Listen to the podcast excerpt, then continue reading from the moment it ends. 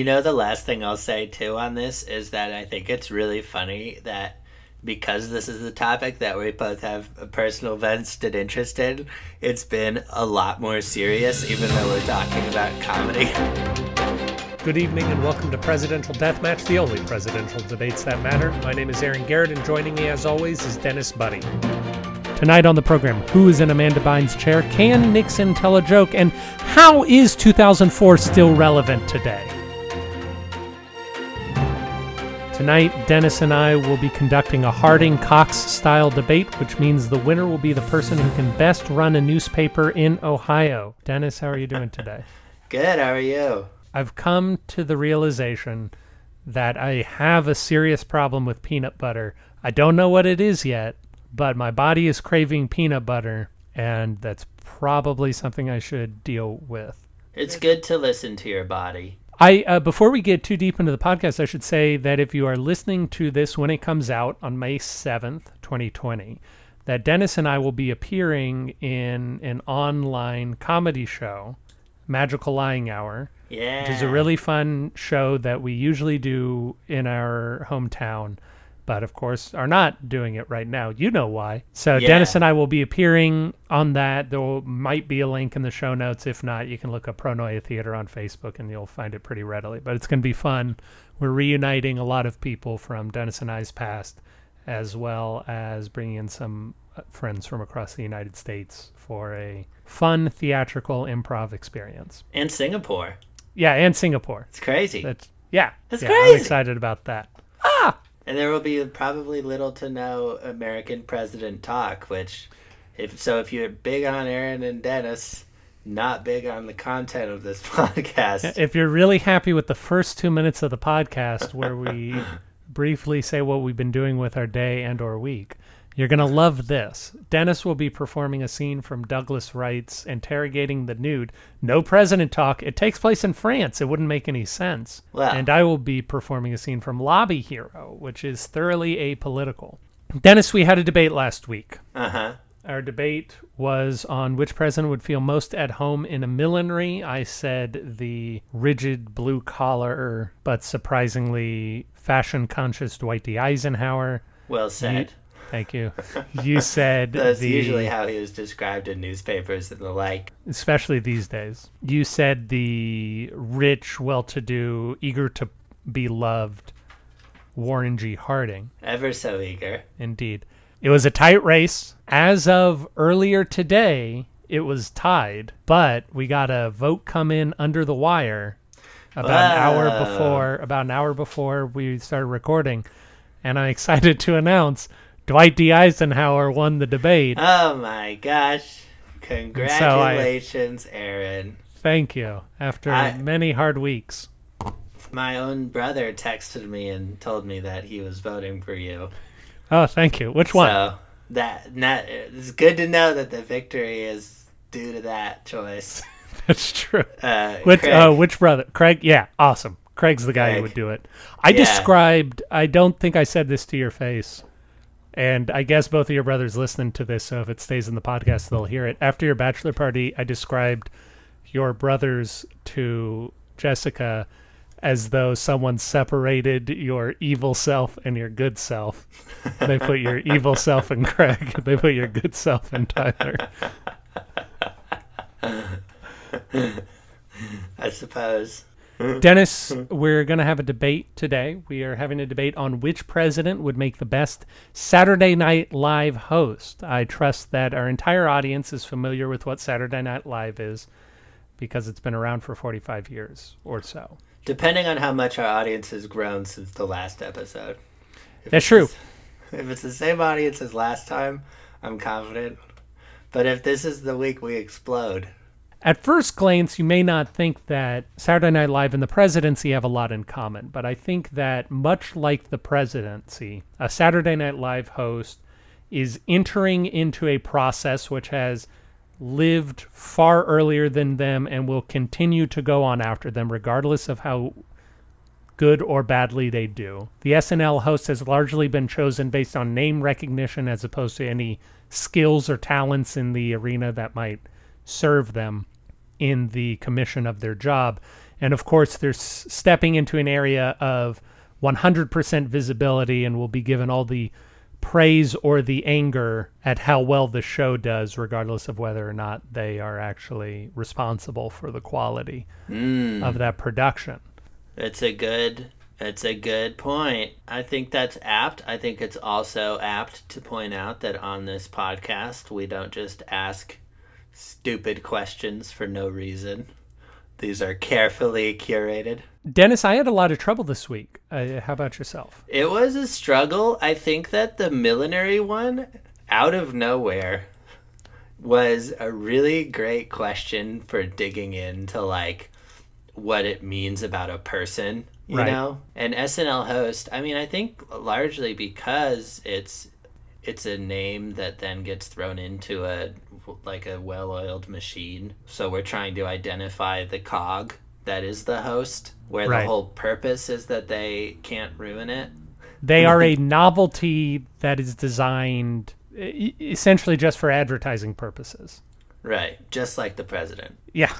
Yeah, I love it. So, unlike many of our past questions, as far as we know, very few presidents have ever tried to establish a relationship with the barista. None of them have created cocktails named after themselves, and too few presidents have run in a three legged race with their vice presidents. But we actually do have a president who was a host of Saturday Night Live, and not only a host, but a two time host.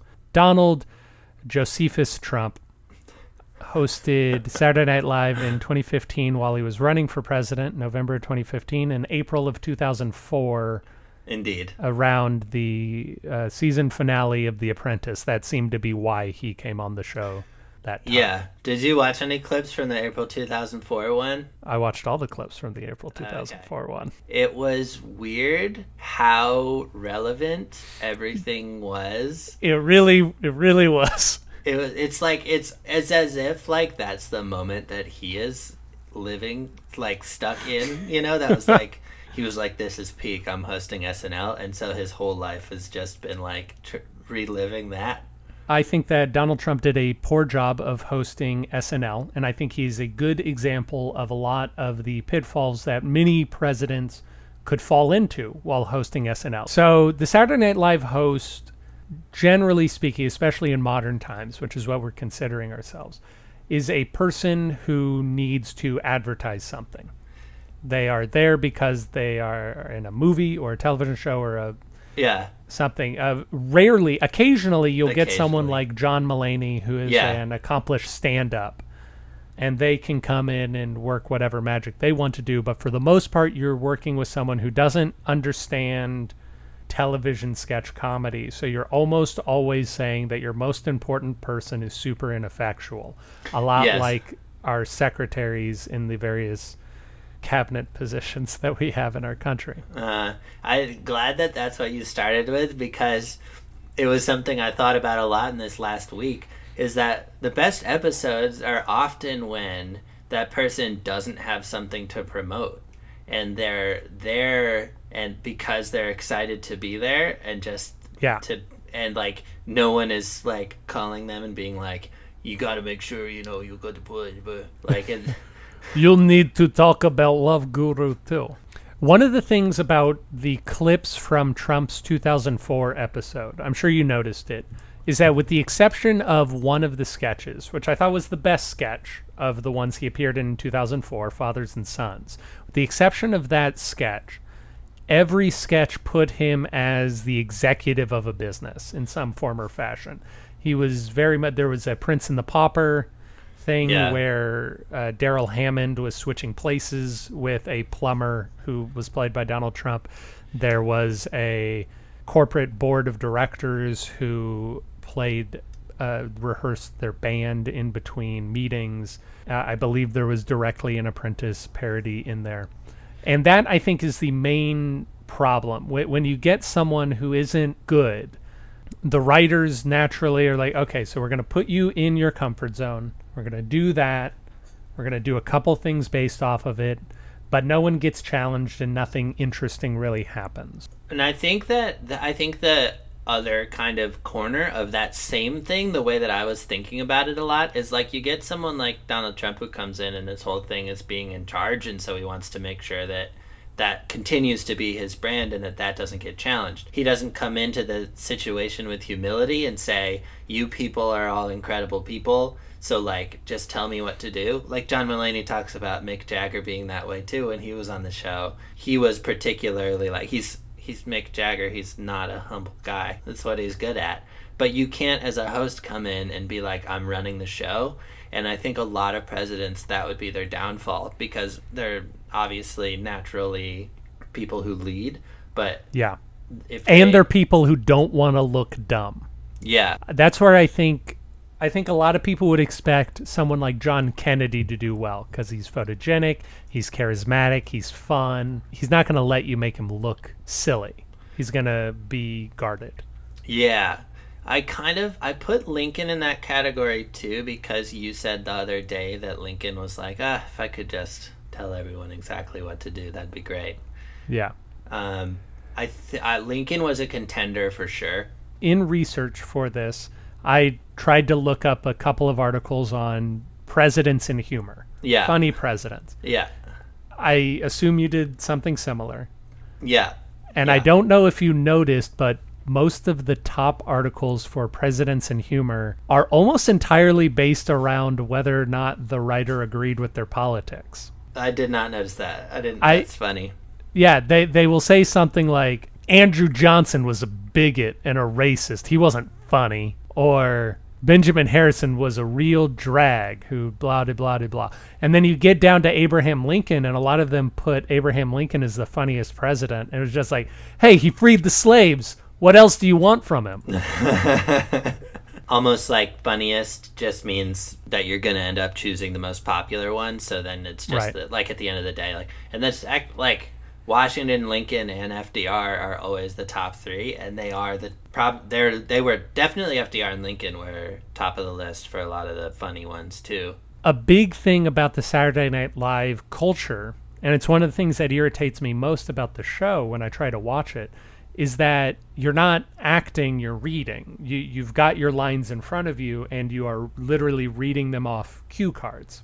Yeah, And a big thing about Trump is he doesn't like staying on script. Back in 2016, I was uh, briefly the stand in for John Kerry, who was then Secretary of State, at an event he did at my work. Yeah, so John Kerry's very tall. I am also very tall. So when they were setting up the teleprompters, obviously John Kerry's not there and he didn't have a body double because no one was there yet. So the teleprompter said, "Hey, you're about his height. Can you go just stand and I'm going to adjust it and I'll, I'll show you like the speech and stuff." And I'm like, "Yeah, cool." So I I got to talk to the moment. teleprompter for a long time. But he was talking to me about how Trump is particularly hard to run teleprompter for because he will go off on really long tangents and he'll jump around and all sorts of things.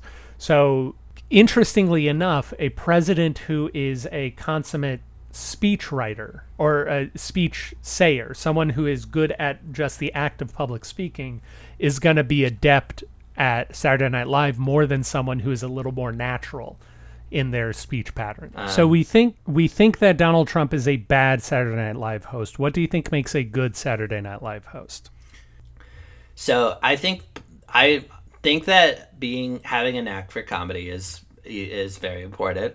But I also think that I think that that potential has to be relatively untapped. Because if you come in and you're Jim Carrey, then you have to really win a sketch for it to win. Granted, Jim Carrey's definitely won some sketches, and then uh, I think that you have to be there. You have to be humble, and you have to not be completely absorbed by promoting something. And a good team player. I would agree. I would say in a similar vein, you have to, the bigger you are, the more willing you have to be to make fun of yourself. You have to be able to not take yourself seriously. I think that Trump's episodes both are also a great example of how it looks when someone isn't able to take themselves seriously because like there's that crazy like wall that comes up where Yeah. you're like everything in you is like I need everyone to know I'm joking here. And it just ruins everything. So I'm going to throw some president names at you, and I want you to just think about where you feel like they are in Saturday Night Live host. Okay, I yeah I So okay. Donald Trump may be the only president who has hosted Saturday Night Live, but we also only have one president who was a professional actor, that being Ronald Reagan. Yes. Who was pretty well known for his wit. Yeah. But how do you feel about Ronald Reagan and how he would have hosted Saturday Night Live? I think he'd do great, but there's too much on the line. I think that he would come into it knowing that people think of him as an actor, as in addition to a witty guy and a president. He would be too stressed about his image at that point. Richard Nixon. Richard Nixon, I considered as well, um, Really? but I did, yeah, All right. because that's a low bar, and everyone's like, "Oh, this is going to be ridiculous," and I think he'd probably actually be pretty gifted at the performing part of it. Richard Nixon is the first U.S. president to show up on a sketch comedy show of any kind. Oh. Well, there you have it. Yeah, he appeared on Rowan Martin's? Laugh In. Okay. Oh, laugh in. It's, I see. it's Laugh In's running gag. Uh, and he just, it's just very awkward and very stilted. And he, Nixon was capable of humor and calmness. He's going to know he's not playing to his audience, and that's going to make him angry, I think, for Nixon. Uh, I think that's super fair. Uh, podcast favorite, Martin Van Buren. MVB, of course, would do great. Uh, Yeah. It's hard. It's hard. Uh, you know, like him and Obama, and honestly Lincoln too. It's like I'm just not. I can't just choose them for this one because there's an element of this one that could have just been best prez. You know. What I will say, and I'm going to use it in my parable of Theodore Roosevelt, because I want to talk about Theodore Roosevelt. He's obviously bombastic. He's a big character. He's probably going to have fun with it. He's not the most humble. He's not going to love being made fun of, but he'll let you do it enough. What's episode? What's the second episode Teddy Roosevelt hosts? And what's the third episode Teddy Roosevelt hosts? We want a president who can join the greats of Tom Hanks and Alec Baldwin Ah. and them. And I think that there's nowhere to go. You you've burned all your Teddy Roosevelt sketches the first time he does it. the thing you did just mention about or that i just made us mention about how presidents have an agenda pretty much always um, which is one of the i think one of the worst things about the country my mother sent me an article about monroe that just came out this last week and i learned a lot about the quote unquote jefferson or the virginia dynasty Yeah, which was interesting, which I didn't know about. So it was Jefferson, and then it was Madison, Madison, and then and it then was Monroe. Monroe. And now that I have the context for that, I'm going to be able to always remember it because basically Jefferson had his proteges, and Madison and Monroe were amongst them, right. and uh, and that I was I was drawn to for this particular week because just in the in the fact that they were proteges means that they're good at being the second banana. You know, like if they excelled as proteges, all right. then that probably means that they can excel as proteges uh, at SNL. With Madison, he seems like a really fast thinking fellow and a witty fellow That's true. um, which would put him in good company. Uh, and Monroe, the Monroe Doctrine, uh, he decided he stopped all this crazy imperialism in the eastward direction and was good at making judgments and considering all of the expertise involved, which to me just feels like it speaks to someone who has some humility up their sleeve. They're still both intense leaders, and they were intense anti federalists. So even though, oh, the other thing about Monroe that I meant to bring up is that he had all but one electoral vote in his second term. He, everyone's just, yeah, you do another term. So it seems like he probably wasn't spending like all of no, it was uh, the era of good feelings. Yeah, which sounds hilarious. So there's Nothing breeds comedy like contentment.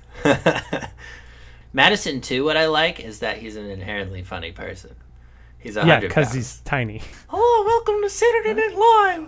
I'm James Madison. I wrote oh. the Constitution.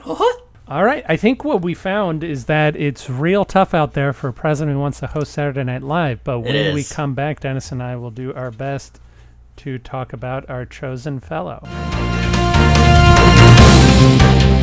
Welcome back. Mm-hmm. Dennis and I are here to settle once and for all, or at least until next January, which president would be the best president to host Saturday Night Live. I have chosen Calvin Coolidge. Dennis has chosen. I've chosen John Quincy Adams. Dennis will do opening arguments first. So we discussed in our stories section that what we're looking for here is someone who's funny, but that that humor is untapped. And what it, what creates a person like that? I think it takes a humble person and it takes an inherently good person. So someone who'd say was the first abolitionist president, or maybe someone who has clearly a dark inner life that yearns to have a release. And John Quincy Adams is our guy here. He uh, he was depressed, and when he was a kid, his mother would tell him about all the things that his father, John Adams, was out there doing for America and the risks he was putting himself up to. So he had the rare mommy issues that are nested inside of daddy issues, which, as we all know, is key for anyone who's looking to discover themselves on any stage. Other ways that I think he is a kindred spirit with the people he would meet at Saturday Night Live, and this being the thing that would really make him shine, are his 165 IQ estimated by historians. As we all know, Harvard Lampooners are are rich in number at the SNL writers' room. Daddy issues, of course, private school background, and as I mentioned before, always figuring out how to please his mother and deal with his depression. When considering a Saturday Night Live host whose tenure can stand the legacy of Saturday Night Live itself, it's important to imagine a person who can change with the times, not someone who is merely frozen in one persona, but someone who can be themselves in any and all situations. This is a stumbling block for most politicians, but not for Calvin Coolidge, a man who was so thoroughly himself and so completely divested of his need to politic at all times that he would often joke when he woke up is the country still there? Calvin coolidge is surprising. And when we are establishing a classic saturday night live host that surprise is paramount he is culturally known as Silent Cal, a man of very few words, and yet he was an accomplished public speaker. He was known as someone who, in public, when it was necessary, could speak at, out loud and at length with wit and with humor and be deep in his feelings. This is going to prepare him well for the necessary impromptu reading he will have to do on Saturday Night Live. He was quick with his wit in a number of stories that we have heard. Calvin Coolidge knew how to spin a yarn when he needed to. This is going to serve him well in the comedic timing that he will need to do. Calvin Coolidge was a man so devoid of ego that he would often wear silly hats on his head just because a child gave them to him in the street. He was a man who was not averse to being silly when he needed to be silly, to being serious when he needed to be serious, to being laissez faire when he needed to be laissez faire. In effect, Calvin Coolidge was a chameleon who can be whatever the writers of Saturday Night Live need him to be, and he is a person in which Saturday Night Live writers can continue to find inspiration hosting performance after hosting performance. I would like to briefly draw attention to a specious claim made by Dennis Buddy as he is trying to, in his talk of voting JQA in for being the first abolitionist president, trying to morally equivocate and saying, How could you possibly think that a man who was the first abolitionist president wasn't delightfully funny? This is a surprising turn from a man often so virtuous as Dennis. I am out of time, but I will address his other points in my next section. Well, I'll respond to that last bit by saying, are you really going to vote against the first abolitionist president? he wasn't a funny guy. I'm not saying that. What I'm saying is that all the better for it. Witty, I think he has the capability as potentially the smartest president in history. But outright funny, not so much. Rumors of today say that he kept an alligator in a bathroom to surprise people with. Uh, I found out today that that's probably not true. Uh, pretty much everything about him that's fun turns out to have been rumors created in more recent years. But why are we doing that? Is it because, as an American population, we all know that John Quincy Adams has it in him and that we're ready to laugh at him for whatever reason because we get him as a person? Because the son of a president and only at such an early time in America's history is inherently humorous. I mean, George W. Bush, we didn't talk about him, but he'd be pretty funny hosting SNL. Now that I think about it, that'd be a pretty good one. Well, now that's got me distracted. the the silliest thing about John Quincy Adams is that he swam naked in the Potomac every morning but apparently, so did lots of people. So there, he was really a serious guy through and through. But that's where he could come and surprise us. And to speak to Calvin Coolidge's humor, when when you go back and look, like apparently someone said to him once, like, "Oh, I'll be surprised if I can get three words out of you with this party," and Calvin Coolidge said, "You lose." Hilarious. Okay, come on, guys. That's like a dad. If he's the most dad think about your dad hosting SNL. Disaster. Dennis, if your father hosted SNL, I think it would be one of the most wonderful episodes of SNL. Well, my dad is unique. No, yours too. Yours That's too. True. It is most important. Calvin Coolidge is the correct pick for Saturday Night Live. Dennis is trying to lob ideas of dad joke. Everyone loved You Lose. Also, it wasn't true, but everyone loves the idea of it because it speaks to a quick wit. It is a person who is sardonic and sarcastic, able to trade barbs with Dorothy Parker, as he uh, didn't do, but uh, presumably could have done. But the important thing to think here is we are mistaking in John Quincy Adams' eccentricities a delightfully funny person. This is not John Quincy Adams was not the Jim Carrey of his day, a, a sort of Clayface esque character who can who can change and be quirky. John Quincy Adams was more the Alex Jones of his day, loudly ranting and raving about mole people who lived beneath the crust of the earth. John Quincy Adams would be dangerous to give a platform to on a regular basis.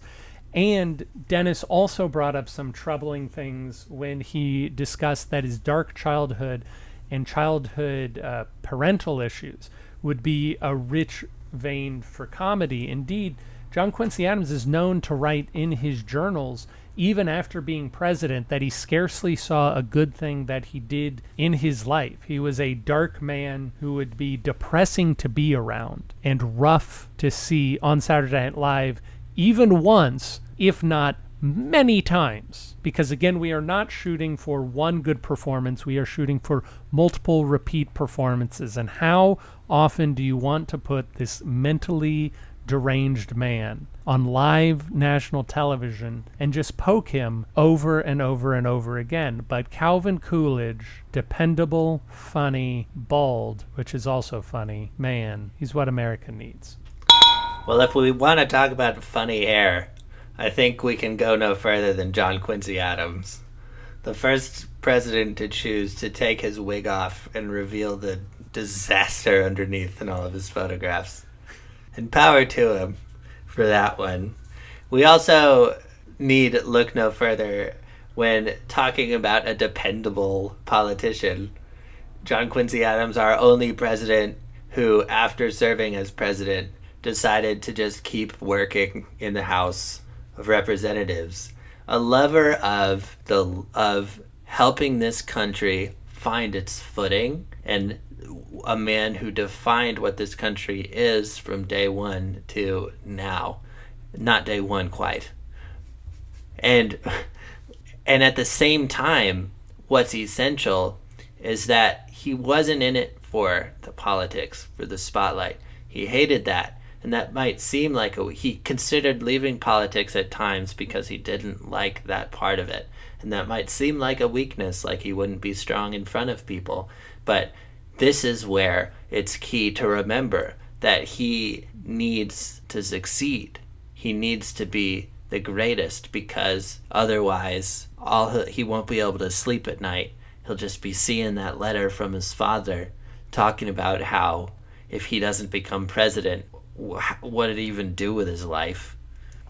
So he will go out there and he will say, I will excel and I will use my pain to do it. And that's something that I'm pretty sure we can watch week after week because we've done it since the day one of Saturday Night Live. We've done it with every stand up comedian who explodes. Not everyone, but plenty of them. It's a it's a brand in the world of comedy. Not a you know, if the world changes, it's okay. But I'm just saying, if it changes, that'll be in the future. John Quincy Adams, he's from the past. As you consider your vote as to whether Calvin Coolidge or John Quincy Adams is the appropriate person, I want you to think about what Dennis and I have said so far tonight about what makes a good Saturday Night Live host. A good Saturday Night Live host is a person who's not there to sell something, and yet John Quincy Adams is one of the few people to maintain a career after his presidency. He never stopped having something to promote. A good Saturday Night Live host is someone who does not put up a wall between him and the audience, thinking that he needs to be good, he needs to be great. And yet, John Quincy Adams was plagued by feelings of inadequacy his entire life. A good SNL host needs to be relatable, and yet, John Quincy Adams shows his natural hair like some sort of backcountry freak. John Quincy Adams was a Gary Busey esque man who was lucky to get what he got. Calvin Coolidge, calm, fun, surprising, dependable, what you want in a Saturday Night Live host. Thank you.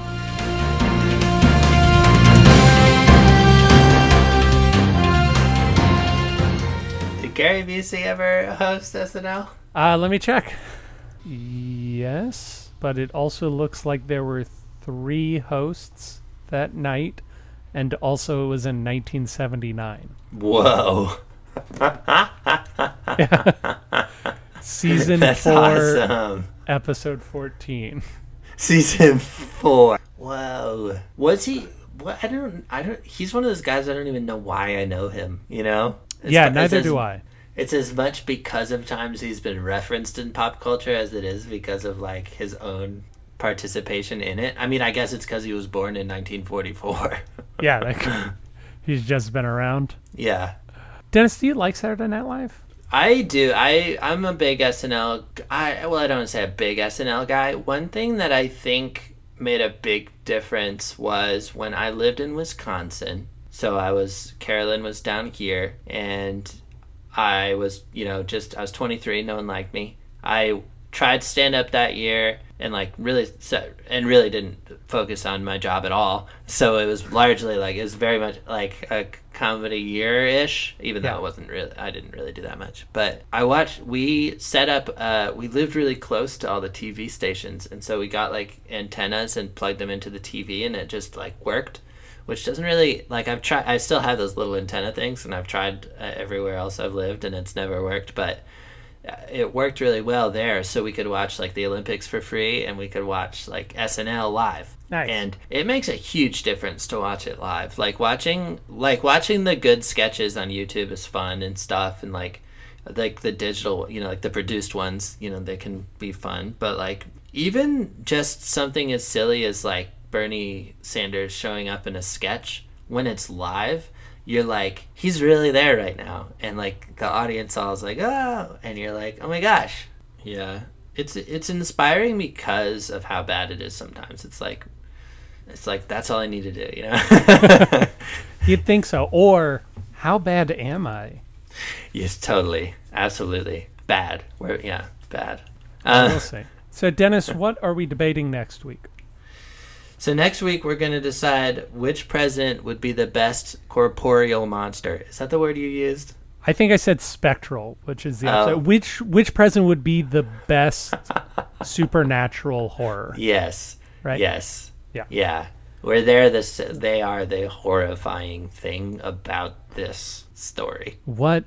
That's going to be a weird one to research. I don't even really know where to begin, but I'm excited. Yeah. I'm excited too. All right, uh, everyone, remember to vote on who you thought the winner of tonight's debate was. And if you're listening to this on May 7th, you can listen to, uh, you can watch on Facebook Magical Lying Hour Live, which will feature Dennis and I and a lot of our friends, 10 more of our friends from across the world.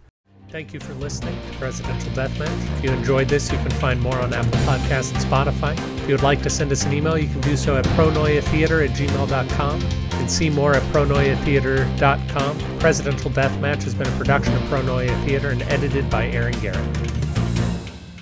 Real quick, yeah, he was. It was uh, Amanda's show, which was a big, big formative thing for me. I think on some level, it's why I'm doing this podcast right now. Shout out to Amanda Bynes, Shout out to Amanda friend of the podcast, Amanda, Amanda- Bynes. Amanda, please. And uh, the, my favorite thing on that show was I'm sorry, we can move on shortly. Um, was when they would just have members of the cast. It was just like a filler thing they would do, but they would have a different member of the cast come and sit down in the chair on the stage, and then the guy, the voice, would just say like, "Meet our what our cast member, you know, Drake Bell or whatever," and then he'd be like, "Hey everyone," and like the audience would all say "Hey," and then the voice would just say stuff that was egregiously wrong about the person sitting there, and the person would eventually just leave.